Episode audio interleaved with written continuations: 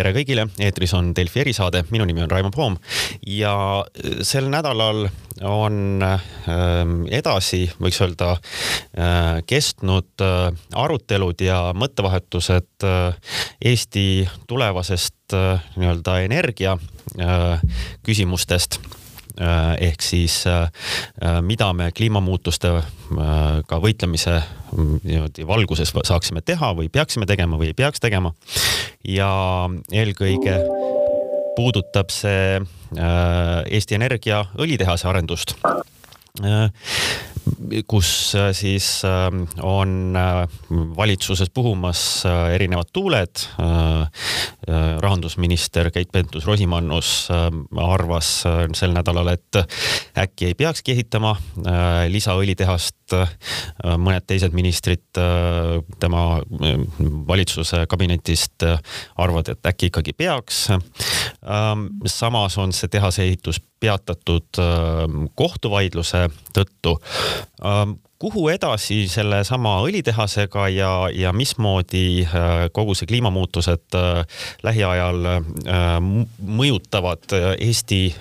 siis elektrit ja energiasektorit. räägime täna Eesti Energia juhiga Hando Sutteriga, tervist. tere päevast aga alustame sellest õlitehasest, mis on selle nädala kahtlemata nii-öelda uudis, kus asjad ei lähe mitte kuidagi sega, tähendab mitte kuidagi selgemaks. et siis äh, signaalid, mis tulevad äh,, on, on sellised, et, äh, et ühelt poolt üks minister, kes on ka juhtumisi, ma saan aru äh,, Eesti Energia üldkoosolekuks, ütleb, et, et ei peaks edasi minema selle investeeringuga, mis äh, eelmise valitsuse poolt äh, ära otsustati, teised arvavad, et peaks, et kas te nüüd saate aru, mis teil ülemused nagu tahavad? Ikka, ikka saan. Ja, ja eks ta, eks ta natukene niimoodi eh, ajakirjanikele need asjad tunduvad vähe, võib-olla vähe põnevamad, et, et kui ta, kui ta tegelikult on, et noh, tegelikult on siin nagu kaks asja, mis on natukene sassi läinud, et üks on see, et rohenoored ju selle õlitehase ehitusloa vaidlustasid, see asi on kohtuprotsessis, lisaks nad taotlesid esialgset õiguskaitset selle protsessi ajaks, mille nad ka said ja tõsi, äh, seal oli kolmest kohtunikust üks ka kirjutas äh, vastu äh, arvamuse või eriarvamuse, et arvas, et see õiguskaitse ei ole põhjendatud ja tegelikult need argumendid, mis seal olid, meil on juba ekspertide poolt ka ära selgitatud ja me kindlasti esimesel võimalusel läheme taotlema ka selle õiguskaitse mahavõtmist, sest tõepoolest ei saa ju ehitada, kui õigussüsteem on ehitusloa peatanud ja tegelikult oleme meie seal üldse kolmas osapool, sest omavalitsus väljastab ehitusluba et äh, see on, see on nagu üks asi ja nüüd teine asi, et sinna on siis külge haakinud äh, uuesti debatt, et kas seda õlitehast üldse vaja on. Et äh, siin on noh, niimoodi, et, et, et kõigepealt meil on olemas valitsuse otsus siis eelmisest aastast, eelmise aasta kevadest, et see õlitehas tuleb ehitada tõsi, vahepeal on valitsus vahetunud, on uus koalitsioon, aga ka uue koalitsiooni äh, poolt on mitu korda ju kinnitatud, et seda eelmise valitsuse otsust ümber pöörama ei minda ja, ja selle õli, õlitehasega minnakse edasi. Äh, lisaks on äh, Eestis olemas energiamajanduse arengukava aastani kaks tuhat kolmkümmend, kus on ju selgelt öeldud, et, et põlevkivi elektriks põletamine peab vähenema ja tuleb rohkem kasutada siis põlevkivi vedelkütuste tootmisel, eks sellega on see asi kooskõlas, pluss on meil ikkagi täna kehtivad Eesti Energia omaniku ootused, mis on kinnitatud veebruaris eelmine aasta ja ka seal on äh, see strateegilise eesmärgina sees, nii et äh, et Eesti Energia juhatus igati on lähtunud nendest väga selgelt avaldatud ootustest ja, ja noh, me kinnitame, nii nagu me ka kinnitasime oma ministrile, saan ka avalikult kinnitada, et kindlasti me seadust ei riku ja hoolsuskohustus on igati täidetud ja, ja kui on kohtuotsus kehtiv, et on esmane õiguskaitse peal, siis tõesti nii kaua, kui seal peal on, ei saa õlitehast ka ehitada. aga ähm, võtaksid, kui, kui tohib, siis võtaksid nagu kaks, ähm, kaks asja, et äh, tegelikult kui vaadata nüüd ähm, äh, maailma äh, uudiseid siin, mis on ka sel nädalal tulnud, need on väga niisugused mitmepalgelised just seoses õli ja nafta tootmisega ja kliimamuutustega, et, et asjad paistavad väga kiiresti muutuvat, et noh, näiteks siin ähm, ähm, Hollandis vist äh, lausa kohustati äh, äh, siis sealset äh, suurt äh, nafta äh, õlitootjat ka kliimamuutuste vastu võitlema ja oma nii-öelda siis heitmeid, CO2 heitmeid vähendama vastavalt Pariisi kohustustele või Euroopa Liidu kohustustele, et, et ähm, kuidas selle nagu üldise keskkonnaga on, et, et see keskkond ikkagi paistab nagu päev-päevalt minema selliseks, et, et, äh, et pigem ähm, noh, peaks vaatama kõiki muid äh, energia tootmise suundi kui äh, fossiilkütuse suundi on tõsi jah, et äh, energiamaailmas toimuvad praegult revolutsioonilised muutused ja, ja, ja noh, see ei ole kindlasti enam selline Euroopa poliitika, vaid üsna globaalne ja see ei ole meile kindlasti ka jäänud äh, märkamata. ja ka Eesti Energias on äh, äärmiselt revolutsioonilised muutused, et kui ma lihtsalt enne kui ma plaanidest räägin ka seda, mis me võib-olla oleme ära teinud, et kolme aastaga on Eesti Energia emissioonid vähenenud kolm korda ja tänu sellele on Eestis saanud Euroopa Liidus kõige kiiremini emissioone vähendav, vähendav riik ja see on fakt, et kui me vaatame nii absoluutnumbrites kui ka protsentides, et et Eesti on teinud väga-väga head tööd viimastel aastatel ja seda just ennekõike energiasektori kaudu. nüüd edasi meie plaan, me tuleme varsti välja oma uuendatud strateegiaga, mis siin paar nädalat tagasi Eesti Energia Nõukogu poolt heaks kiideti. me, me, me ütleme kõva häälega välja, et Eesti Energia on aastaks kaks tuhat nelikümmend viis viis süsinikuneutraalne ehk meie süsinikuemissioon võrdub nulliga. ja meil on selleks olemas ka selline high level või ütleme, suur plaan, kuidas sinna jõuda. ja see on heaks kiidetud siis nagu ma ütlesin, Eesti Energia Nõukogu poolt. ja kusjuures sinna jätkuvalt mahub sisse veel ka siis, siis vedelkütuste tootmine, aga ja nüüd ma räägin selle aga ära, et tegelikult tänasel päeval Euroopa Liidus seitsekümmend protsenti energiast äh, tuleb jätkuvalt fossiilsetest allikatest, maailmas veel oluliselt on see protsent suurem ja äh, kui me tahame nüüd jõuda tegelikult äh, siis kahe tuhande viiekümnendaks aastaks terves Euroopas nulli, siis tuleb siin teha erinevates sektorites ülikõvasid pingutusi. ja meie näeme Eesti Energias, et äh, tegelikult noh, tänaste tehnoloogiatega peaaegu ainukene võimalus on siis erinevates sektorites energiakasutus asendada rohelise elektriga, et elektrifitseerimine ja, ja just roheline elekter. et oleme ka strateegias välja öelnud seda, et, et me ei tegele mitte enam siis äh, oma, ainult oma jalajäljega, vaid tuleme appi ka kõikidele partneritele, klientidele. oleme öelnud, et me aitame siis erinevates sektorites energiatarbimist elektrifitseerida, asendada rohelise elektriga, pluss meil on piisavalt rohelist elektrit. et äh, need on kõik väga äh, kõvad lubadused ja me suhtume sellesse täie tõsidusega, meil on täna juba Balti riikides suurimate elektritarbijatega või energiatarbijatega tehtud sada pikka roheelektrilepingut, see on sel aastal kõik juhtunud, see on väga hästi äh, vastu võetud. ja ausalt öeldes äh, me liigume äh, noh, juba väga hästi sellel kursil ja kui nüüd tulla tagasi selle õli tootmise juurde korraks, siis tegelikult see on ju hoopiski keemiatööstus, et meil on, eks ole, Kiviõli keemiatööstus, Viru keemiagrupp, aga Eesti Energia puhul on, on ta nagu õlitööstus ja see ongi tõesti lingvistis, et meil vaja nagu ära korraldada ja ka selgitada, et, et mis see õli tootmine on. pürolüüsi protsess, äh, selgelt äh, keemia äh, ja, ja tegelikult täna see pürolüüs kasutab põlevkivi toorainena ja jah, toodang on õli, mis läheb laevakütuseks teda kasutatakse laevamootorites pika, pikamaa siis ookeanilaevadel, eks ole, põhiliselt. Ja seal teda põletakse, tõsi, on emissioonid, aga kui me võtame siit edasi, et mis sektor kõige rohkem naftat tarbib ja mis, kus ka kõige rohkem nafta tarbimine suureneb, on naftakeemia. Ja seal ju ei põletata, see on keemiatooraine ja tegelikult ühel päeval võiks minna ka meie toodang keemiatööstusesse, mitte põletamisse, sest seal ju turg kasvab. Ja toorainena võib võib-olla ei kasutagi mitte enam põlevkivi, vaid sellesama keemiatööstuse jääke, polümere, näiteks plastijäätmeid, aga ka rehvihaket, mida me oleme juba ju tööstuslikult testinud. nii et see võiks olla see visioon, kuhu me võiks kahe tuhande neljakümnendaks aastaks jõuda ja kasutades neid samu tehaseid, mida me, mis meil täna töötavad ja mida me ühe veel juurde ehitame, me tegelikult võime jõuda välja sinna, et, et meie need tehased töötavad edasi ja meie missioon on null. ma loodan, et see on liiga pikk selgitus, et. see on väga põnev igal juhul. Ähm, see, see tundub tõesti põnev. aga kui juba see roheline nii-öelda Eesti Energia roheline pööre jutuks tuli, siis Äh, ma mõtlesin, et küsin ka siis äh,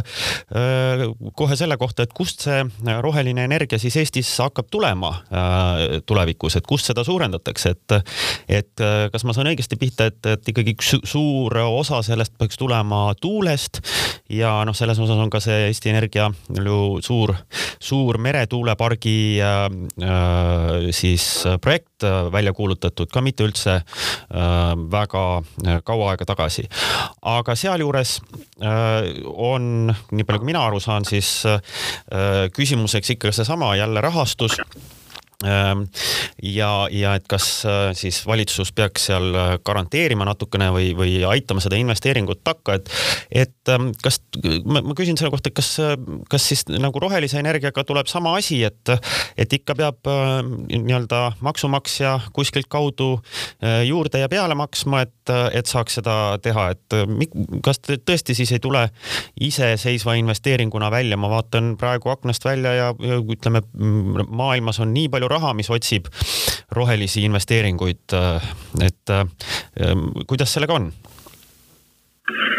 Jaa, tõsi, et noh, siin on mõni asi, mis nüüd vajab lahti rääkimist ja ma, ma katsun seda jälle nagu võimalikult lihtsalt ja lühidalt teha, et täna on Eestis olukord, kus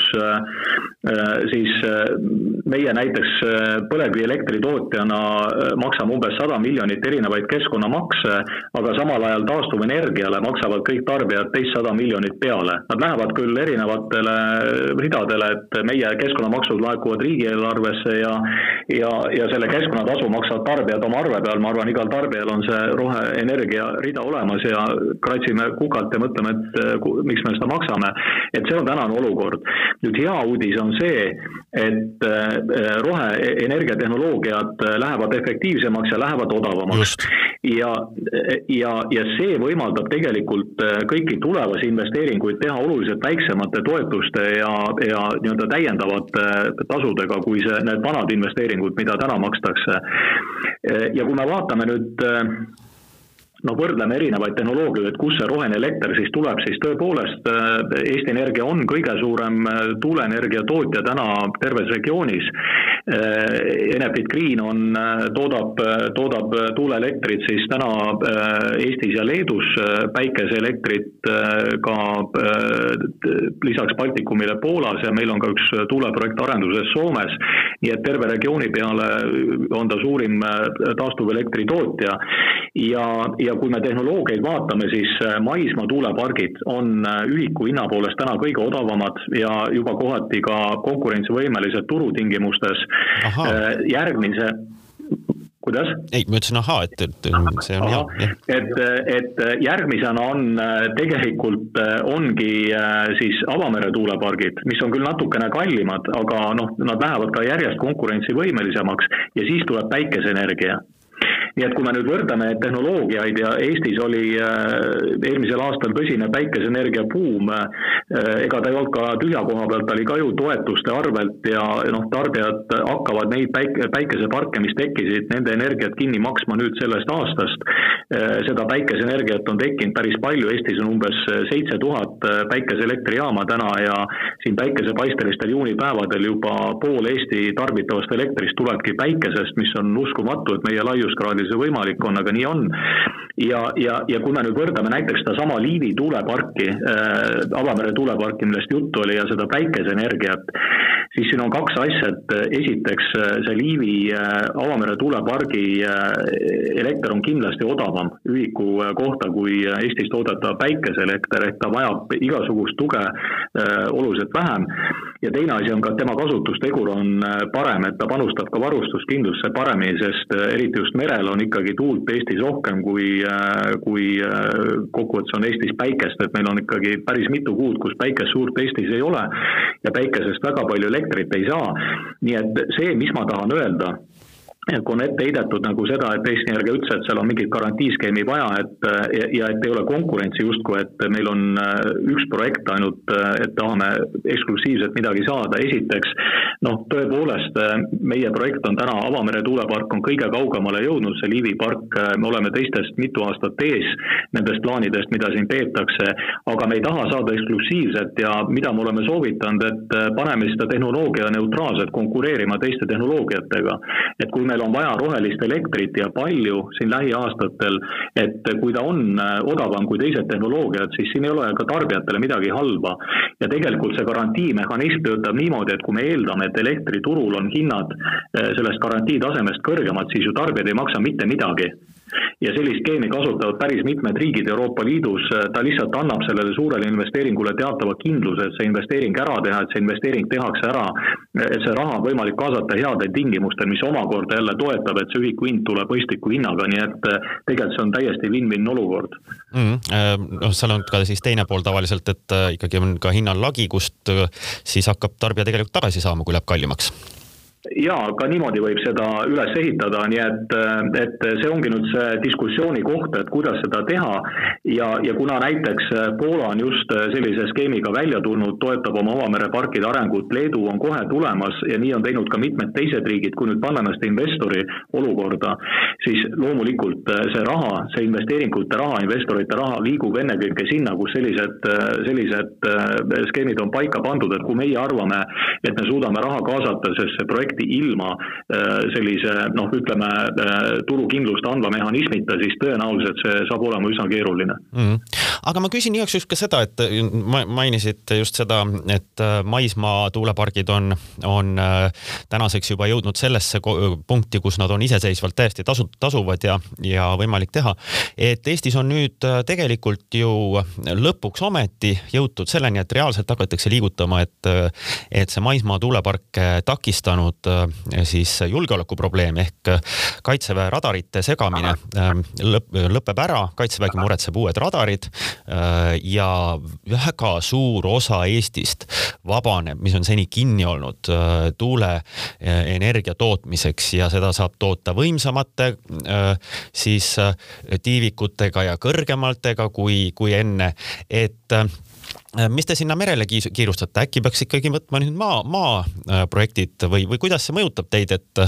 et äh, nii, kui, kui nüüd tuleb see, et enamus Eestit saab äh, tuuleenergia tootmiseks vabaks? Ja tõsi ja, ja, ja me teeme mõlemad kindlasti, et äh, meil on ka mitu äh, maismaa tuuleparki arenduses ja, ja, ja kõik need võimalused tuleb ära kasutada kindlasti, mis äh, maismaal tulevad. Ja see, et nüüd need radaripiirangud on Eestisse maha, see on kindlasti väga tervitatav ja annab ka hoogu maismaa tuuleparkide arendamisele, aga me, me peame siin aru saama sellest, et et esiteks Eesti on täna äh, umbes poole tarbimise jagu äh, elektridefitsiidis ehk äh, kui Eesti tarbib kokku umbes kaheksa teravatt-tundi elektrit aastas, siis pool on puudus umbes neli teravatt-tundi ja siin me sõltume impordist ja väga palju sellest tuleb täna veel ka Venemaalt. ja see, see lõbu lõpeb aastal kaks tuhat kakskümmend viis ära, kui me Venemaast ennast lahti ühendame. ja, ja teine asi on see, et kui me ikkagi see, millest me jutu alguses rääkisime, et teeme panuse sellele, et see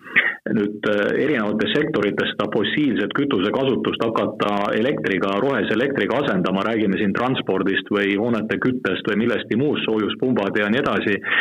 et äh, seda rohelist elektrit hakkab rohkem minema vaja, et, äh, et tarbimine, tõenäoliselt elektri tarbimine kasvab, siis ja, ja täna meil maismaa tuuleparkides tuleb selline poolteist teravatt-tundi